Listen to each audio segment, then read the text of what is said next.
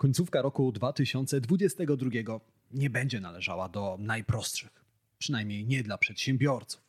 Szalejąca inflacja, pogłębiający się kryzys, niepewna, zmieniająca się sytuacja gospodarcza na świecie to problemy, z którymi przyjdzie nam się zmierzyć. Zgodzisz się więc ze mną, że warto się na nie przygotować, prawda? W tym odcinku podcastu opowiem Ci, jak to zrobić. A nasze przygotowania rozpoczniemy w roku 1949, w momencie, w którym straszliwy pożar trawił wąwóz Manglucz.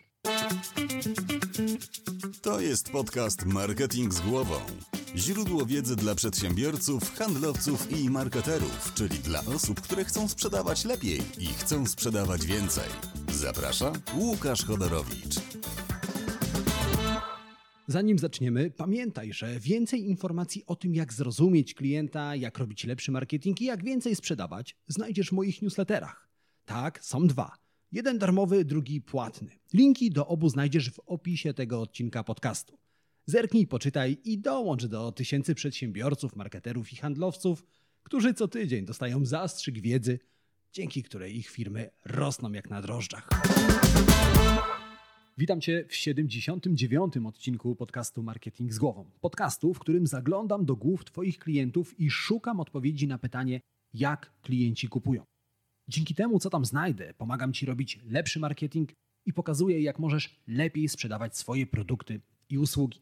A wiedza, którą w tym podcaście dzielę się z Tobą całkowicie za darmo, pochodzi z badań na temat marketingu, psychologii oraz mojego doświadczenia w pracy z firmami takimi jak Twoja. W 1949 roku od uderzenia piorunu zapalił się las leżący w wąwozie Manglucz. Do rozprzestrzeniającego się błyskawicznie pożaru udało się 15 strażaków. Na czele brygady stanął Wagner Dodge. Wagner Dodge, który jeszcze tego dnia zrobi coś z pozoru niesamowicie głupiego. Coś, co jednak uratuje mu życie. Gdy strażacy wylądowali na miejscu pożaru, okazało się, że ogień rozprzestrzenił się w znaczącej części lasu. Jedynym sposobem, aby odciąć ogień od pozostałej części, było wykopanie rowów, którego ogień nie pokona. Jednak po przejściu około pół kilometra od lasu okazało się, że płomienie zaczęły przedostawać się na drugą stronę i zbliżały się do strażaków. Drzewa rosnące gęsto w lesie stanowiły paliwo dla ognia, który przeskakiwał między konarami drzew. W ciągu kilku minut płomienie sięgnęły 10 metrów, tworząc zabójczą ścianę ognia. Drużyna Wagnera Dodge'a nie była na to przygotowana. Nie była przygotowana, by walczyć z takim żywiołem. To był sygnał dla strażaków, że trzeba przerwać akcję i wycofać się z wąwozu. Z wąwozu, z którego prowadziły tylko dwie drogi. Jedna przez płonący las, druga przez strome zbocze góry porośniętej trawą sięgającą do kolan. Od bezpiecznego szczytu góry strażaków dzieliło zaledwie pół kilometra. Jednak natura tego dnia miała inny plan. W pewnym momencie zerwał się wiatr, który pchał słupy ognia w kierunku strażaków. Ogień był coraz bliżej, a gorąc skutecznie przeszkadzał w ucieczce. Po pokonaniu 300 z 500 metrów jasne było, że nie wszystkim strażakom uda się uciec. Wtedy Wagner Dodge zrobił coś, co wprawiło pozostałych strażaków w osłupienie. Coś, co całkowicie przeczyło logice. Zamiast uciekać ile sił w nogach, zatrzymał się. Następnie z kieszeni wyciągnął pudełko zapałek i zaczął po kolei je zapalać, a następnie rzucać przed siebie na suchą trawę. Jego ludzie później stwierdzili: Myśleliśmy, że ze strachu oszalał. Ogień deptał nam po piętach, a ten wariat chciał wzniecić drugi pożar. Wagner Dodge jednak na prędce obmyślił strategię, która miała uratować strażaków, a nie wzniecić ogień. Wypalając trawę przed sobą, pozbawił ogień paliwa, którym żywiły się płomienie. Następnie położył się w miejscu wypalonej trawy, nasączył chusteczkę wodą i przyłożył ją do twarzy. Leżał tak przez 15 minut. W tym czasie dzikie płomienie trawiły wszystko na swojej drodze, omijając jednak miejsce, w którym leżał Dodge. Tego dnia w wąwozie Manglucz zginęło 12 z 15 strażaków. Wagner Dodge wrócił do domu. Dziś porozmawiamy o tym, dlaczego Wagner Dodge przeżył, jakie cechy i umiejętności odróżniały go od jego zmarłych kolegów. I zastanowimy się, jak ty możesz zdobyć podobne umiejętności i jak wykorzystać je w biznesie i w życiu. Tak słownik języka polskiego definiuje słowo improwizacja. Działanie podejmowane bez przygotowania i planu. To, co zrobił Wagner Dodge, w pierwszym momencie wydaje się właśnie improwizacją. Nieprzemyślanym ruchem, który choć tym razem ocalił strażakowi życie, mógł skończyć się dla niego tragicznie. Jednak ktoś taki jak Wagner Dodge, kto odpowiada za 14 innych strażaków, nie powinien improwizować i ryzykować, prawda? I rzeczywiście tego nie robił. Zamiast na improwizację, Dodge postawił na planowaną improwizację. Planowana improwizacja, w odróżnieniu od zwykłej improwizacji, opiera się na pewnym planie. Planie, który zakłada nieprzewidziane wydarzenia i losowe wypadki. Planowana improwizacja to działanie niestandardowe, ale konieczne w danej sytuacji. W wąwozie Manglucz Wagner Dodge improwizował. Jednak była to improwizacja zaplanowana. Improwizacja, która wynika z pewnego planu, który miał w głowie strażak. Być gotowym na wszystko i odrzucić konwencjonalne metody działania. Planowana improwizacja jest umiejętnością, której wszyscy potrzebujemy, gdy życie, biznes idą nie po naszej myśli. Gdy nadciąga kryzys, gdy klienci rezygnują ze współpracy, gdy inflacja szaleje niczym pożar, z którym walczył Wagner Dodge. Planowana improwizacja jest umiejętnością, której można się nauczyć. I dziś powiem Ci, jak to zrobić. Patolog, który bada zwłoki po śmierci, aby ustalić, co było przyczyną zgonu, wykonuje analizę postmortem, czyli analizę pośmiertną.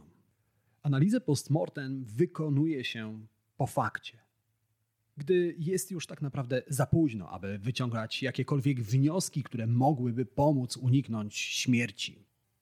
Odpowiednikiem analizy postmortem w biznesie jest analizowanie błędu, porażki po tym, jak się wydarzy. W tej sytuacji również często jest już zbyt późno, aby wyciągnąć jakiekolwiek wnioski. No a już na pewno dzięki takiej analizie nie da się uniknąć tego konkretnego błędu. Jednak analiza postmortem ma bliźniaczą siostrę. Siostrę, która nazywa się analizą premortem. Analiza premortem polega na badaniu przyczyn wypadków, przyczyn niepowodzeń, zanim te się jeszcze wydarzą. Analiza premortem jest ćwiczeniem myślowym, które możesz przeprowadzić w każdej chwili. To ćwiczenie polega na wyobrażeniu sobie najgorszego, najczarniejszego scenariusza, który może ci się przytrafić, a następnie zastanawiasz się, jakie wydarzenia mogą doprowadzić do tego czarnego scenariusza. Wyobrażasz sobie, co może pójść nie tak w Twoim biznesie. Odchodzi kluczowy klient, dostawca podnosi ceny, Facebook blokuje Ci konto reklamowe. Następnie zastanów się, jakie wydarzenia, jakie decyzje mogą doprowadzić do tych problemów. Następnie przeanalizuj wszystkie możliwości. Zastanów się, co w takiej sytuacji możesz zrobić inaczej, aby nie dopuścić do tego czarnego scenariusza jakie decyzje podjąłbyś inaczej, żeby czarny scenariusz nie ziścił się. Choć to ćwiczenie, analiza premortem, wydaje się banalne, nie bagatelizuj go. Michael Phelps, wielokrotny mistrz świata w pływaniu, oprócz treningów fizycznych, słynie z niekonwencjonalnych treningów psychicznych. Jednym z jego ćwiczeń jest właśnie analiza premortem. Phelps przed każdym wyścigiem z dokładnymi detalami wyobraża sobie, co może pójść nie tak i analizuje różne scenariusze wyjścia z problematycznej sytuacji. W 2008 roku Phelps zdobył złoty medal, pomimo tego, że jego okulary przeciekały i sportowiec płynął praktycznie na ślepo. Po zawodach sportowiec przyznał, że setki razy odgrywał ten scenariusz w głowie i był na niego świetnie przygotowany. Analiza premortem to pierwszy element układanki, który pomoże ci nauczyć się planowanej improwizacji. Pierwszy, ale nie jedyny. Są jeszcze dwa. Mike Lazardis miał wpływ na życie większości konsumentów w Stanach Zjednoczonych i w Europie. Oczywiście, gdy był małym dzieckiem, nie zdawał sobie z tego jeszcze sprawy. Nie zdawał sobie sprawy z tego, że tak potoczy się jego życie. W szkole średniej koledzy i koleżanki nazywali Majka czarodziejem. I nie, Mike nie zabawiał szkolnych kolegów magicznymi sztuczkami. Mike był elektronicznym czarodziejem. Gdy w szkole rozwalił się telewizor albo rzutnik, Mike potrafił naprawić je, nim zjawił się dozorca. Nic więc dziwnego, że Mike wybrał się na studia inżynierskie, które jednak szybko rzucił i założył własną firmę. Jego pierwszym wynalazkiem był czytnik kodów kreskowych, który później używali technicy filmowi w Hollywood. Ten sam wynalazek kilka lat później zdobył Oscara za osiągnięcia technologiczne na planie filmowym. Jednak największym wynalazkiem Majka było urządzenie, które w swoich kieszeniach nosili prawie wszyscy Amerykanie. Zaczynając od Billa Gatesa poprzez Baracka Obamę, na zwykłym obywatelu kończąc. To urządzenie to smartfon BlackBerry. Pierwsze mobilne urządzenie do rozmów telefonicznych, wysyłania, odbierania maili oraz surfowania po internecie. BlackBerry, jeśli nie miałeś okazji go otrzymać w ręku albo oglądać, wyglądał jak dobrze ci znane telefony Nokia. Był jednak szerszy. Połowę urządzenia zajmował szeroki wyświetlacz, a drugą połowę klawiatura. W tamtych latach BlackBerry był technologicznym hitem. Nic więc dziwnego, że w 2009 roku połowa obywateli Stanów Zjednoczonych korzystała z wynalazku Lazardisa. W 2014 roku udziały w rynku smartfona BlackBerry spadły niemal do zera. W 2014 roku prawie wszyscy zapomnieli o cudownym wynalazku Mike'a Lazardisa. Co takiego się stało? Oczywiście nowe, rewolucyjne urządzenie bez fizycznej klawiatury iPhone. Jednak nie tylko to. Upadek BlackBerry wynikał z tego, że Mike Lazardis nie umiał zmienić swoich przekonań. Do samego końca uważał, że Amerykanie, konsumenci w Stanach Zjednoczonych i w Europie nigdy nie przesiądą się na smartfony bez fizycznej klawiatury. Ten sam błąd popełniła fińska Nokia, która zamiast inwestować w nowe modele telefonów bez klawiatury, wymyślała coraz bardziej wymyślne telefony z klawiaturą. Zarówno BlackBerry, jak i Nokia tak kurczowo trzymały się swoich przekonań na temat konstrukcji smartfona, że nie zdążyły się przystosować do zmieniającego się pejzażu rynku. Każdy z nas ma pewne przekonania na temat marketingu i biznesu. Wierzymy, że pewne rzeczy działają lepiej od innych. Na przykład, że dla konsumentów liczy się niska cena, a nie wysokiej jakości obsługa klienta. Sądzimy, że klient wybiera nasz sklep z powodu asortymentu, a nie szybkiej dostawy. Jednak wraz ze zmieniającymi się gospodarkami, pędzącą inflacją, podwyżkami, rzeczy zmieniają się. Dlatego nasze przekonania na ich temat również powinny się zmieniać. Przekonania są jak system operacyjny w komputerze albo w smartfonie. Należy je aktualizować. Stale zadawać sobie pytanie, dlaczego? Dlaczego tak uważam? Dlaczego klient kupuje u mnie? Dlaczego wybiera ten produkt, a nie inny? W wąwozie Man Glucz większość strażaków kurczowo trzymała się swoich przekonań. Przekonań, które podpowiadały im, że w obliczu zbliżającego się zagrożenia, w obliczu zbliżającego się śmiertelnego żywiołu, należy uciekać. Oczywiście Wagner Dodge również dzielił to przekonanie z kolegami. Jednak w odróżnieniu do nich potrafił je szybko porzucić. I tego dnia, choć intuicja podpowiadała, że w obliczu zagrożenia należy brać nogi zapas, Wagner Dodge porzucił swoje przekonania i przeżył. To, co chcę ci przez to powiedzieć, to to, że ty również nie powinieneś kurczowo trzymać się swoich przekonań, zarówno tych dotyczących biznesu, marketingu, jak i życia. Musisz zrozumieć, że w obliczu zmian zmieniać się muszą również Twoje przekonania. Trzecim elementem naszej układanki jest nauka na błędach. Wiele osób twierdzi, że należy uczyć się na własnych błędach i wyciągać z nich wnioski. Sprawa jednak nie jest tak prosta. Nauka na własnych błędach jest trudna. Analizowanie własnych porażek może być bolesne.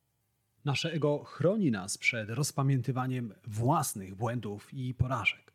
Dlatego, gdy chcemy przeanalizować własny błąd, najczęściej robimy to powierzchownie i nie wyciągamy z tego aż tak ważnych i wartościowych wniosków. Czy wobec tego nie da się uczyć na błędach? Czy jesteśmy skazani na to, żeby błądzić po omacku, podejmując decyzje? Nie do końca. Jak lepiej uczyć się na błędach, pomoże nam zrozumieć pewien eksperyment. Eksperyment, w którym uczestników podzielono na dwie grupy i kazano im rozwiązać test. Test składający się z 20 pytań z dwoma możliwymi odpowiedziami. Na przykład, czy Twoim zdaniem przez złą obsługę klienta firmy tracą każdego roku 90 miliardów dolarów, czy może 120 miliardów dolarów? Członkowie obu grup rozwiązywali ten sam test, jednak w każdej z grup inaczej przebiegało sprawdzanie i inaczej przebiegało zaznaczanie poprawnych i błędnych odpowiedzi. Na testach oddanych przez członków pierwszej grupy naukowcy zaznaczali jedynie błędne odpowiedzi. Na testach oddanych przez drugą grupę odwrotnie, naukowcy zaznaczali dobre odpowiedzi. A więc członkowie pierwszej grupy dowiadywali się, gdy popełnili błąd. Członkowie drugiej grupy dowiadywali się, gdy udzielili poprawnej odpowiedzi. Tak czy inaczej, wszyscy uczestnicy eksperymentu mogli wywnioskować, która odpowiedź jest poprawna, a która błędna. To bardzo ważne, bo kilka dni później naukowcy z tymi samymi uczestnikami powtórzyli badanie. Co więcej, i tym razem zadali badanym te same pytania. Oczywistym jest, że ktoś, kto wcześniej poznał poprawną odpowiedź na pytanie, tym razem poradzi sobie lepiej na teście, prawda? Cóż, wnioski z drugiej części eksperymentu były zaskakujące. Osoby z pierwszej grupy, nazwijmy ją grupą błędną, tym razem odpowiadały poprawnie na 40% pytań. Jednak osoby z drugiej grupy, nazwijmy ją grupą poprawną, tym razem odpowiadały poprawnie w 70% przypadków. Co oznaczają wyniki tego badania? Mniej więcej tyle, że kiepsko wychodzi nam nauka na własnych błędach. Znacznie lepiej uczymy się na własnych sukcesach. Wobec tego, czy nauka, wyciąganie wniosków z błędów jest niemożliwe? Otóż nie. Pod jednym warunkiem, że uda nam się z całej analizy wyłączyć własne ego. Gdy to zrobimy, ego przestanie nam przeszkadzać i pozwoli nam na głębszą analizę. No ale jak z takiej analizy wyłączyć własne ego, spytasz? To bardzo proste. Zamiast analizować własne błędy, analizuj cudze błędy. Wyciągaj wnioski z cudzych porażek. Przyglądaj się im, analizuj je. Zastanów się, co ty w tej sytuacji zrobiłbyś inaczej. Jak byś się zachował? Jaką decyzję byś podjął? I wnioski z takiej analizy włącz do swojej planowanej improwizacji. Analiza cudzych błędów i porażek jest trzecim i ostatnim elementem dzisiejszej układanki. Trzecim i ostatnim składnikiem, który pomoże nauczyć ci się planowanej improwizacji. Wobec tego, skoro dolecieliśmy do końca dzisiejszego odcinka, czas na trzy rzeczy, które warto wynotować z tego odcinka podcastu Marketing z głową. No ale zanim ci je zdradzę, tradycyjnie już mam dwie szybkie prośby. Pierwsza jest taka: jeżeli znasz kogoś, komu wiedza z tego konkretnego odcinka podcastu może się przydać, udostępnij tej osobie ten odcinek Możesz to zrobić na Facebooku, możesz to zrobić w Messengerze, możesz to zrobić w mailu. Jakikolwiek sposób będzie świetny. Proste, prawda? Ta druga prośba jest jeszcze prostsza. Jeżeli tak się składa, że w tym momencie słuchasz mnie w Apple Podcast albo w Spotify, wystaw recenzję pod podcastem Marketing z głową. Obie te rzeczy zajmą Ci tylko chwilę, a dzięki nim wiedza z tego podcastu dotrze do osób, które jej potrzebują. No dobrze, czas jednak na trzy najważniejsze rzeczy, które warto zapamiętać. Dziś chciałbym zostawić Cię z trzema rzeczami, które pomogą Ci nauczyć się planowanej improwizacji. Po pierwsze, pamiętaj o analizie premortem. Pamiętaj o tym, aby analizować błędy zanim się wydarzą. Po drugie, pamiętaj o aktualizacji własnych przekonań. Nie trzymaj się kurczowo tego, w co wierzysz. Wraz ze zmieniającym się światem, Twoje przekonania również mogą ulegać zmianie. I po trzecie, pamiętaj, że nauka na własnych błędach jest trudna. Łatwiej wychodzi nam nauka na własnych sukcesach i nauka na cudzych błędach. Na dzisiaj to wszystko. Życzę Ci, żebyś nie musiał zbyt często korzystać z planowanej improwizacji, natomiast jeżeli zajdzie taka potrzeba, będziesz świetnie przygotowany. A tymczasem życzę Ci udanego dnia, udanego tygodnia, wszystkiego dobrego. Do usłyszenia, do zobaczenia. Cześć.